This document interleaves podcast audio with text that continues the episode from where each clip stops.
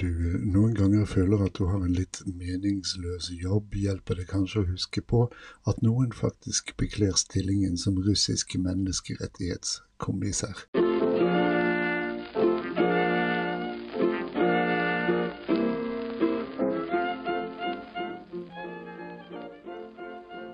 Du lytter til Trippel G, podkasten for gretne gamle gubber av alle kjønn og aldre, under åndelig veiledning av stormester OK Boomer, med eh, superboomer Jarle Petterson ved spakene og mikrofonen, til fremme av slett lune og en generelt dyster verdensanskuelse.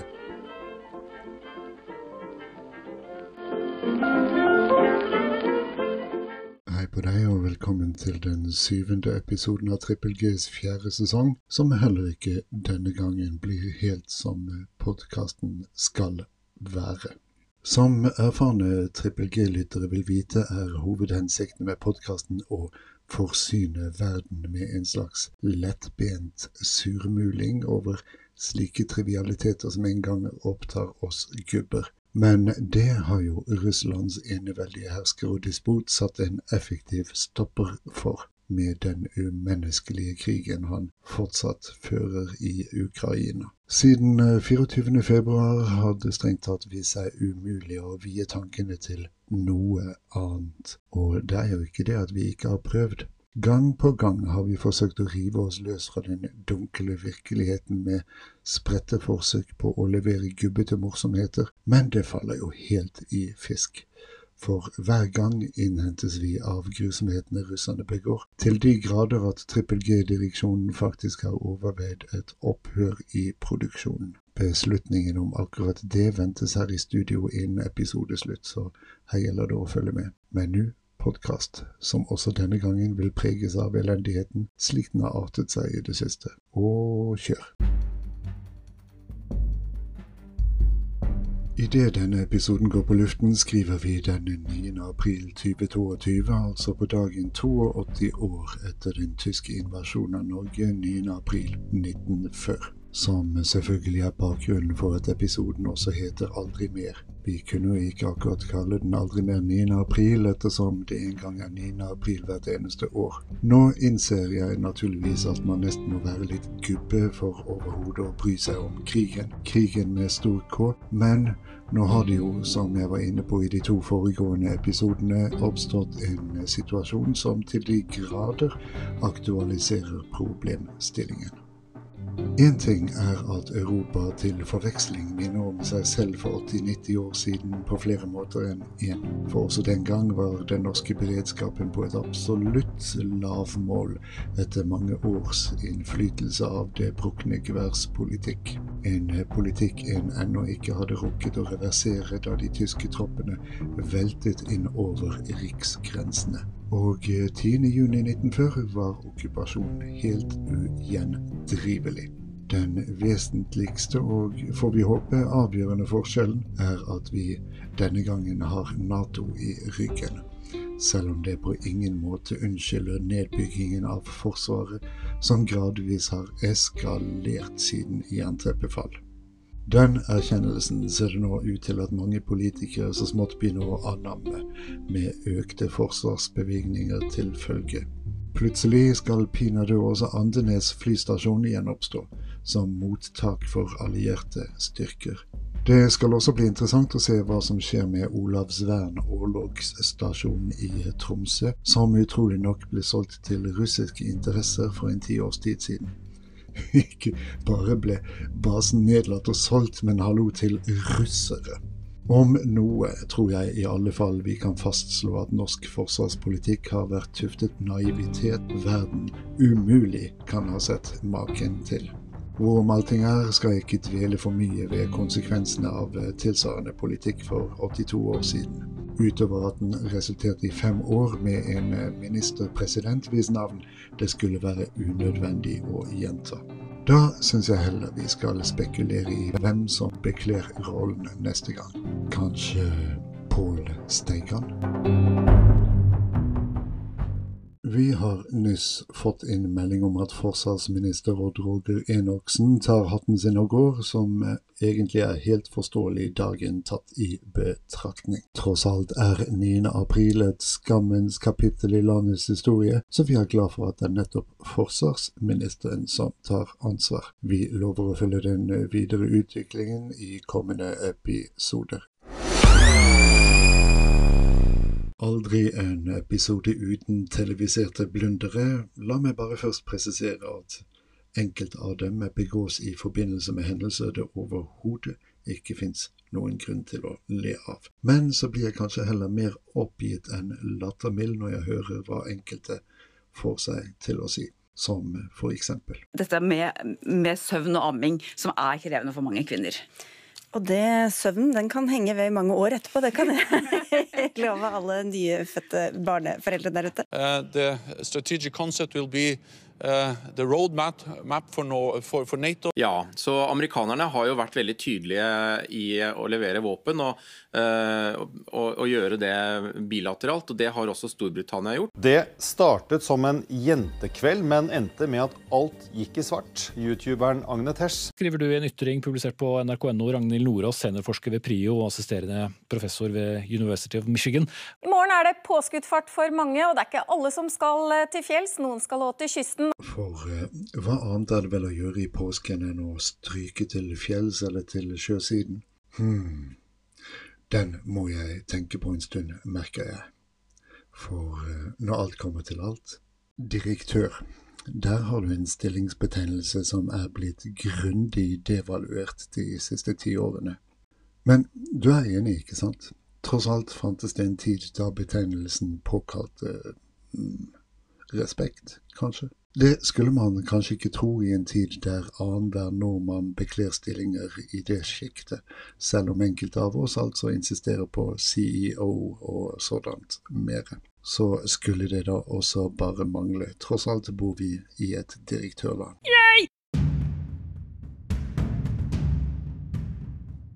Ja vel, så ble det et lite sidespang fra episodens overordnede tematikk, med utgangspunkt i dagen i dag, som altså er den 9. april. For eh, la oss dvele litt ved tanken eh, med å være en eh, militærmakt i den grad Norge virkelig kan hevdes å være en. Vi eh, har jo et forsvar kalt nettopp Forsvaret, og i det ligger det vel at hensikten er defensiv, selv om vi har deltatt i en rekke internasjonale operasjoner til fremme av hensynet til demokrati og menneskerettigheter.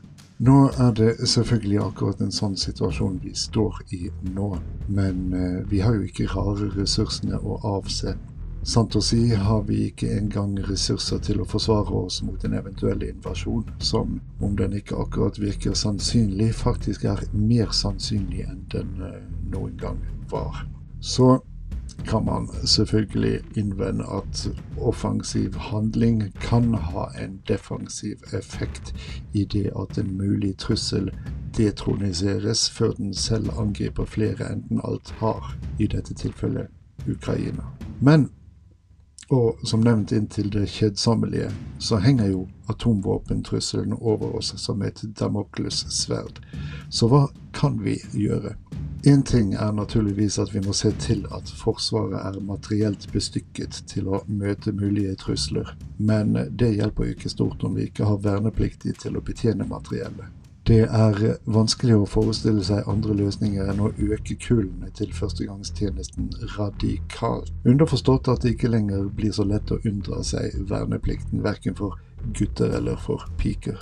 Og for guds skyld se nå til å oppbemanne Heimevernet til fordums storhet. Da jeg selv for en 18 års tid siden ble dimittert, besto Heimevernet av rundt 80 000 soldater. I dag desimert til om lag 40 000, om jeg husker rett.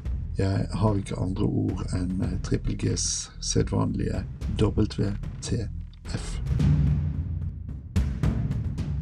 Her var det imidlertid én løsning jeg bevisst utelot å nevne til alt overmål den løsningen som krever minst av oss, nemlig å melde oss inn i EU, som vi høsten 1994 valgte å stå utenfor. Fremdeles er det dessverre sånn at det finnes krefter i Norge som anser seg nærmere Washington enn Brussel, og ser på Brussel som en større fiende enn Kreml, eller en djevelen selv.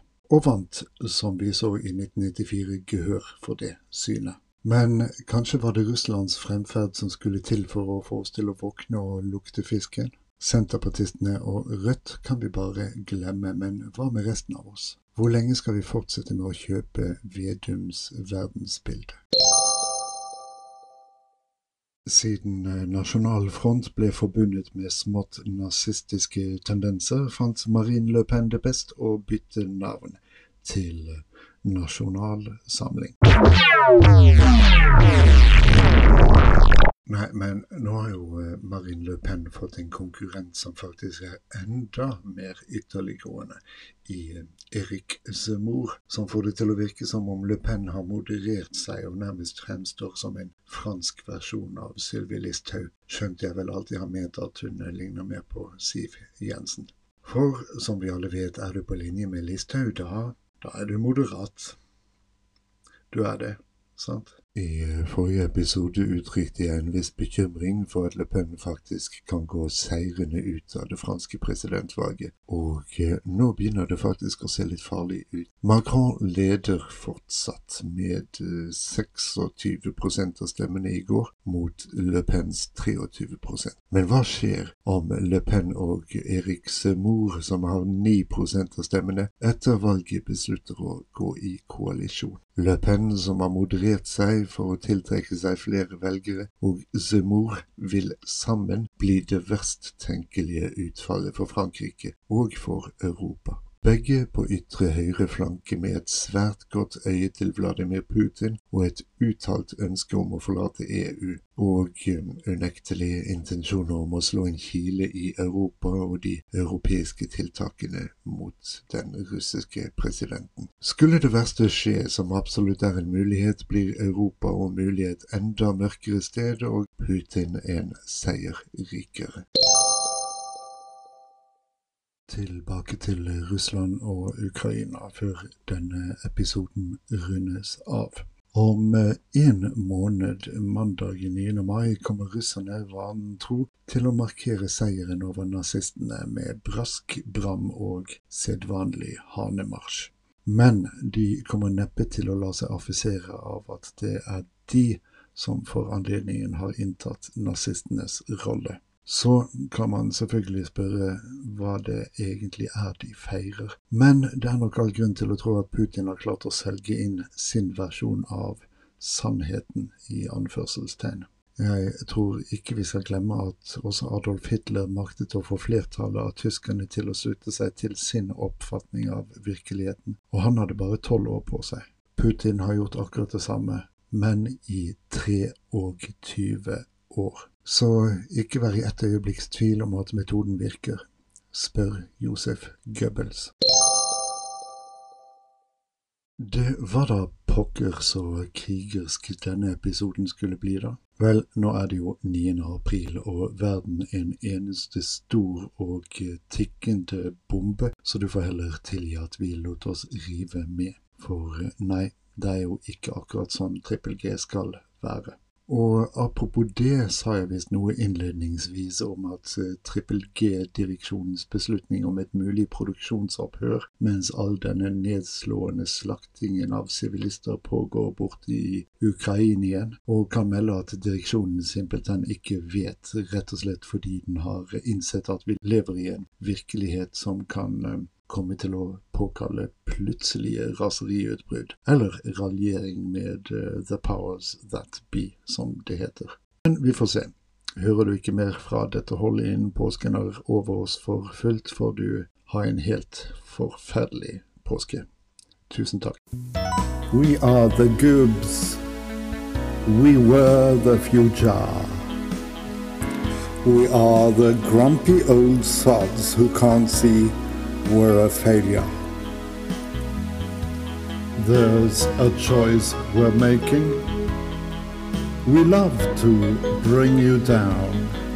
It's true we'll make a shitty day, just you and me.